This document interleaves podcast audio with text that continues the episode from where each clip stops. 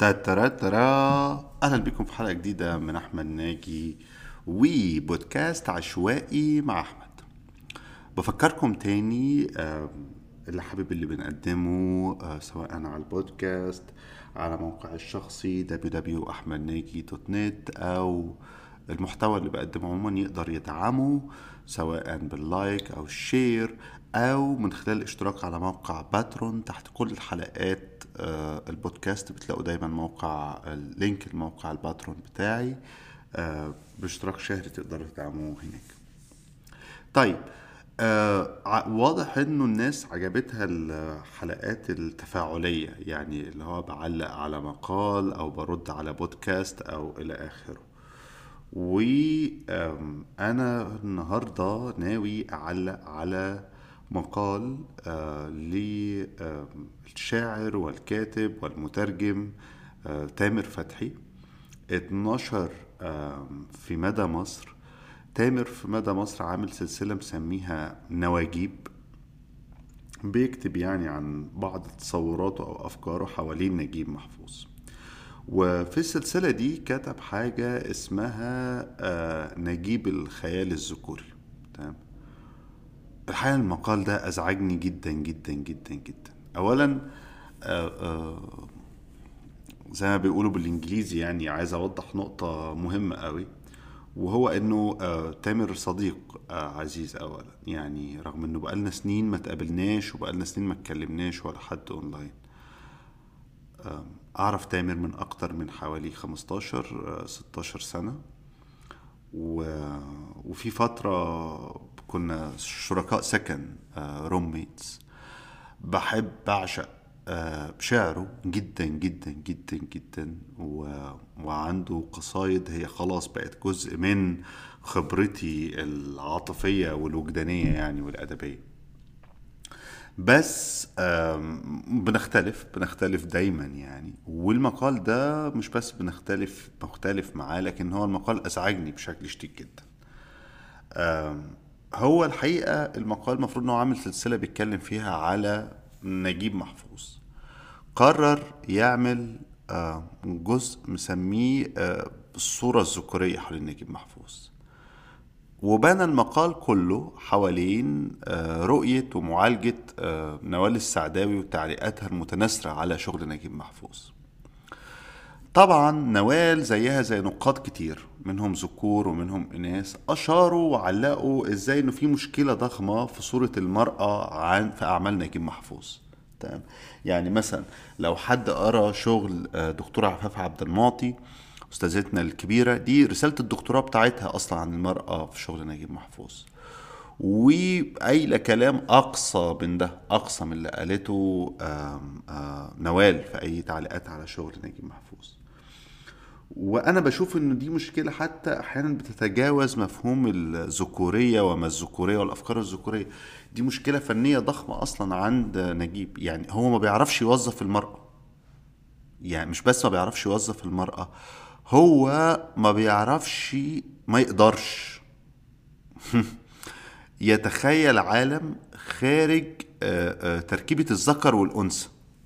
بشكل صارم يعني بشكل صارم إن هو عنده الذكر لازم يبقى ذكر والأنثى يبقى هو يبقى أنثى. تمام؟ وهنا أنا ما بتكلمش على الممارسات يعني أي بقى تغييرات في الصفة أو الممارسات كل ده كلام تافه هو لا يتطرق له خالص. هو بيتعامل مع ده إنه سطح أو حاجة حلة قلة أدب يعني. هو راجل ابن الحداثة مش ابن الحداثة إن هو ابن عصر الحداثة هو مخه كده هو مصمم على الطريق ده تمام؟ وشايف إنه العالم والكوكب هو فيه ذكر وفيه نتاية وفي قيم عليا فوق وفي قيم سفلى تحت وهي الدنيا ماشية كده و... واغسل رجليك قبل ما تنام واشرب اللبن ونام واصحى تمام؟ وده كلام ما ينفعش يعني يتاخد بسهولة كده خصوصا في الوقت ده وما ينفعش القراءة قراءتنا له تفضل نفس القراءة ال- القديمة. أنا عايز أشير برضو لمقال تاني هحاول أحط لينك له كان كتبه إسماعيل فايد زمان عن المثلية عن تصورات المثلية في شغل نجيب محفوظ. وده كان من المقالات ال- ال- اللي غيرت تفكيري يعني جدا في شغل أعمال في شغل نجيب محفوظ. لكن هرجع لمقال تامر فتحي. فهو تامر عامل حاجة قوي في المقال واضح إنه يعني عامل قراية كده في بعض التعليقات على اللي قالتها نوال السعداوي عن نجيب محفوظ. هي يعني كانت معجبة بشغله بس شايفة إنه تقدمية سطحية كان عندها أكتر من موقف معاه. كان هم أعضاء في لجنة القصة وهي كانت الست الوحيدة لجنة القصة دي في المجلس الأعلى للثقافة. في عندنا جماعة اللي ما يعرفش يعني في عندنا في مصر في حاجة اسمها المجلس الأعلى للثقافة اللي هو يعني يفترض يبقى المعادل للأكاديمية عارفين لما أقول لك الأكاديمية الفرنسية الأكاديمية الأمريكية؟ يعني كده هيئة بيجتمع فيها خيرة عقول أم، لكن هذا المجلس الاعلى للثقافه في حاجة اسمها لجنة القصة. فلجنة القصة دي زمان كان فيها بقى إيه توفيق الحكيم ونجيب محفوظ ومش عارف واحد معاهم نوال السعداوي. فنوال طبعا كل ما تتكلم أو تفتح حوار آه، يتناولوا آه، كلامها بنوع من ال من ال من البضان بقى يعني بضان الناس دي. ودي حاجة تانية أنا مش شايف إن دي مشكلة لها علاقة بالزمن أو أو العصر. لا ليها علاقة بإن هم الناس دي بضان. يعني يعني هم الناس دول وعيهم الجنسي بضان نظرتهم للمرأة بضان تمام؟ والناس دول اللي هم بالأسماء يعني اللي هم توفيق الحكيم بضان عباس العقاد بضان تمام؟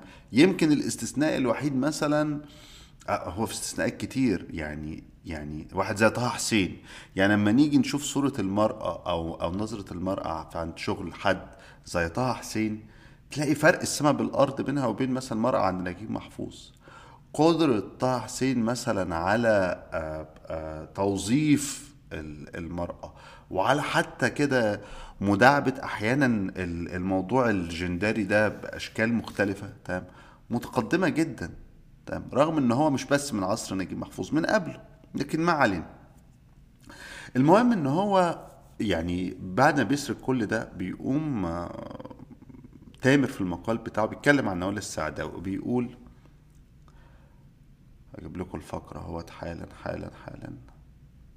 آه بيقول تكتب اللي هي نون السعداوي بشكل واضح ظلت روايات نجيب محفوظ عاجزة عن تحريك مشاعري رغم إجماع النقاد على أنه أعظم روائي في عصرنا هذا إلا أن التذوق الأدبي عملية ذاتية تخص الإنسان وحده. تمام جميل قوي يعني الست بتقول لك إنه إجماع النقاد على أنه أعظم روائي في عصرنا هذا. هي ما بتخالفش الإجماع. بس هي بتقول إنه التذوق الأدبي هي ما بتحبوش ما بتحركش مشاعرها وده طبيعي جدا لأنه أنا واحدة ست. تمام. إيه ليه ليه المفروض هتحرك مشاعري آه، آه، آه، برواية ايا كان بقى؟ تمام نجيب محفوظ. المرأة فيها هي دايما في الهامش.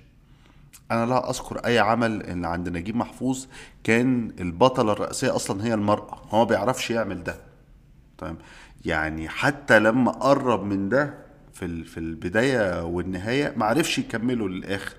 يعني في البداية والنهاية وفي زقاق المداء دي مثلا عملين من الأعمال الواقعية المرحلة الأولانية. تمام؟ كان المفروض ال center فيهم يبقى الست. هو ما عرفش يعمل ده ما قدرش يكمل ده. تمام؟ وبيركب بقى الشخصيات البضان اللي بيقعد يحطها ديت ال- الجانبية كتير تمام؟ ويخلق خطوط كتير عشان الست ما تبقاش هي ال center وما تبقاش هي المحركة. رغم إنه الدراما مثلا بتاعت بدايه النهاية هي المحرك. يعني البطلة هي المحرك للأحداث كلها لكن ما هياش في ال center ما هياش في المركز خالص ما هياش في المركز في بنية الرواية. بس ما علينا فهي ليه بقى نوال السعداوي المفروض تحب ده؟ تمام؟ يعني ليه تحب كاتب مثلا كل رواياته؟ حلو. لو الراجل عمل سكس بدافع الحب والشرف ويبقى حاجة جميلة قوي. لو الست عملت سكس تمام؟ تبقى شرموطة تبقى خائنة تمام؟ لو الراجل ده في كل روايات نجيب محفوظ لو الراجل اتجوز واحدة غنية زي مثلا في حديث الصباح والمساء أو لو واحدة غنية حبت راجل فقير واتجوزته وبتاع فده يعني يبقى قصة حب جميلة ومش عارف إيه زي مثلا الحدوتة بتاعة المراكبي في حديث الصباح والمساء. تمام وزي بتتكرر؟ هي تيمة متكررة عنده آه، آه، فكرة ال- الست الكبيرة اللي بتتجوز واحد أصغر منها برضه موجودة في السراب أو كده. لكن لو العكس حصل لو ست اتجوزت راجل بأمل الصعود الطبقي أو الأمان أو الضمان لا تبقى حاجة وحشة. زي ما بنشوف مثلا في الطريق أو حتى في الثلاثية. يعني هو عايدة يعني عايدة كيف سقطت عايدة؟ اللي كان بيحبها كمال عبد الجواب. كيف سقطت من عينه؟ عشان اتجوزت السفير الدبلوماسي. تمام. طب إزاي نوال تحب ده؟ يعني إزاي واحدة ست تحط نفسك مكان واحدة ست بت- بتجربة نوال وبتركيبتها وبقراءتها إزاي تحب ده?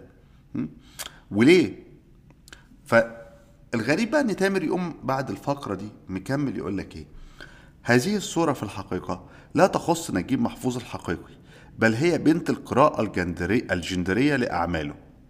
وهي في حد ذاتها لا تؤكد شيئا أو تنفيها عن شخصه بقدر ما تشير إلى أزمة تصوير وتقديم المرأة في الأعمال الأدبية ودورها. تمام. يعني تامر متفق مع آه، آه، رؤية نوال السعداوي إنه في أزمة في تمثيل المرأة في الأعمال الأدبية. شغل نجيب محفوظ وف- وفي تنميط. بس بيقول لك إيه بقى؟ هو يقول لك وأن الكاتب في النهاية مرآة عصره. فالصورة المنتجة هنا تتفق والسياق التاريخي الذي عاشه نجيب. كلام غير صحيح. يعني بيقول لك إيه؟ فالصورة المن... هقرأ لكم الفقرة كاملة وبعدين هنعلق عليها لأن هي ده بقى جوهر الحلقة. فالصورة المنتجة هنا تتفق والسياق التاريخي الذي عاشه نجيب حيث كان تهميش المرأة أمرا عاديا في البيت والتعليم والحقوق الاجتماعية والسياسية وكان الرجل لا يعرف الأنثى إلا في طفولته أو في علاقات عاطفية من طرف واحد أو عند الزواج أو في بيوت الدعارة الرسمية والسرية في المناطق الشع- الشعبية أو في شارع كلود بيه. الكلام ده غير صحيح اطلاقا. اولا هو اسمه شارع كلوت بالتاء مش بالدي. تمام. بس الكلام ده غير صحيح اطلاقا. تمام. صورة المرأة اللي بيقدمها نجيب محفوظ في في أعماله اللي هي صورة رجعية. الموضوع ما هوش إن هي مرآة عصره الكلام الفارغ ده. تمام. أولا عصر إيه؟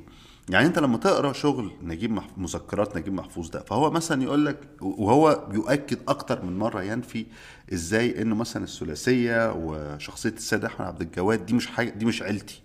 لأن هو عيلته مختلفة تماما هو كان أصغر الأبناء عنده كذا أخ وأخت أكبر منه اتولد في الآخر أيامه عاشوا آه في مصر القديمة لكن انتقلوا إلى العباسية.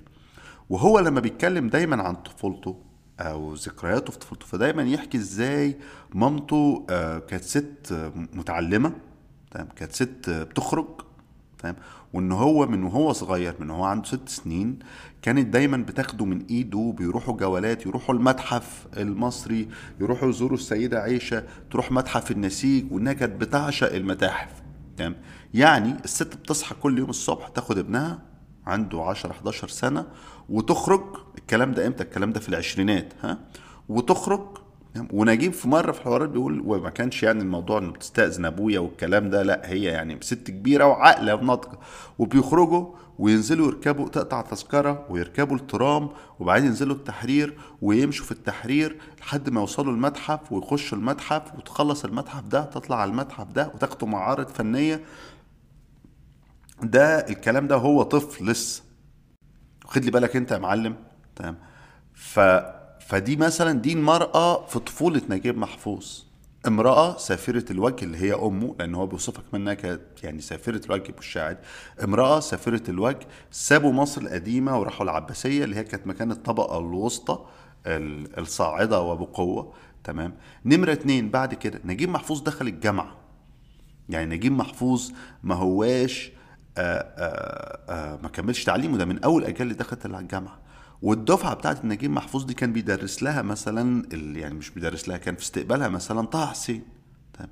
صورة المرأة وموقف طه حسين من المرأة مختلف تماما عن نجيب محفوظ.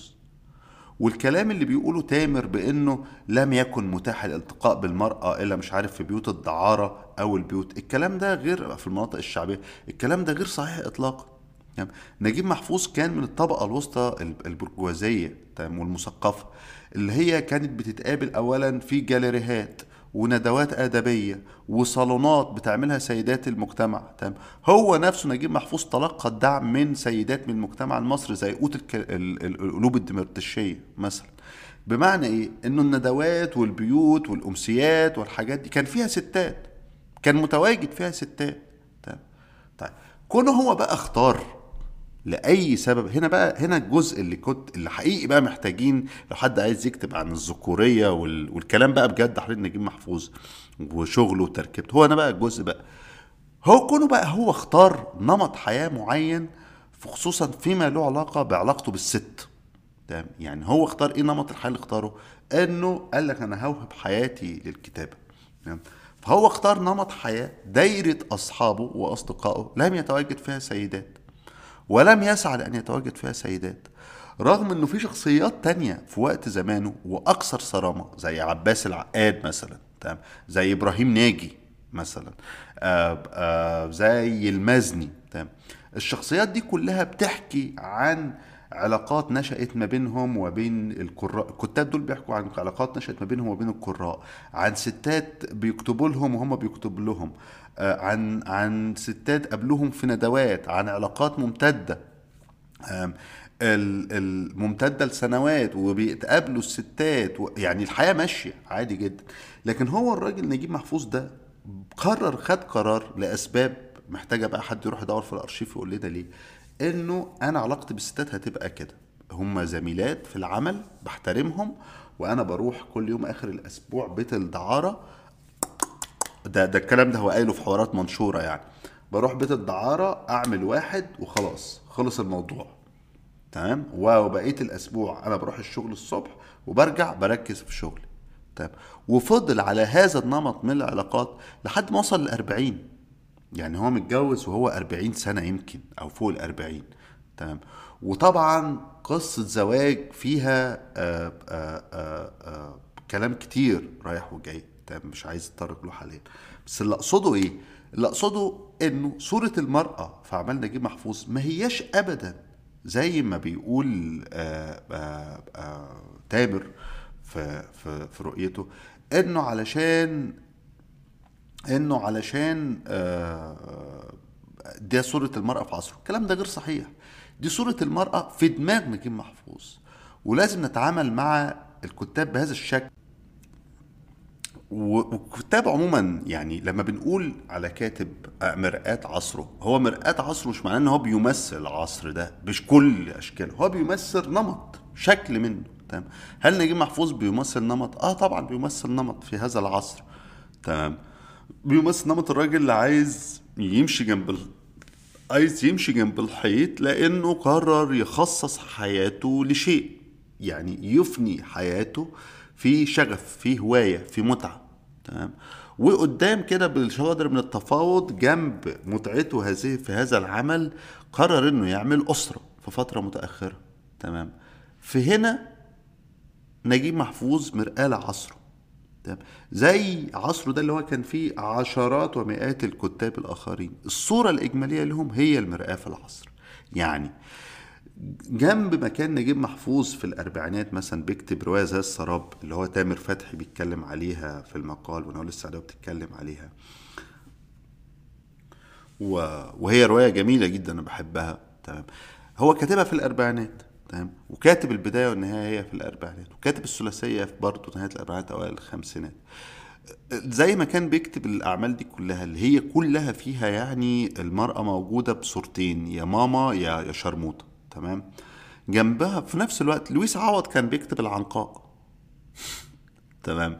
ما لويس عوض كان بيكتب العنقاء وكان بيكتب بالعامية.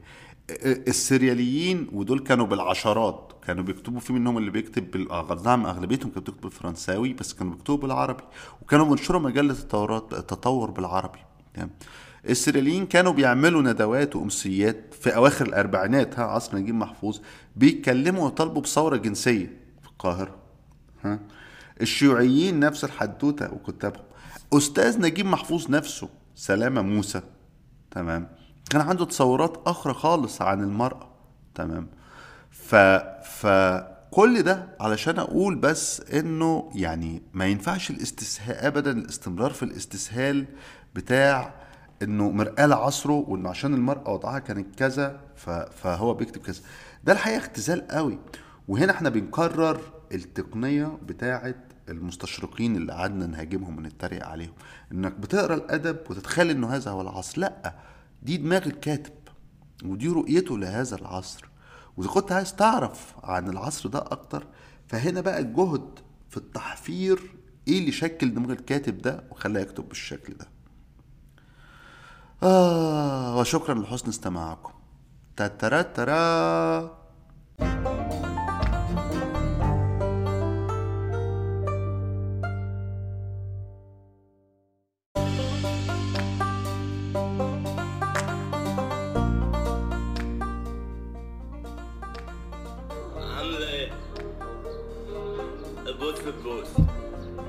الحب مشتاق مشتاق شو شو. ود يا ود.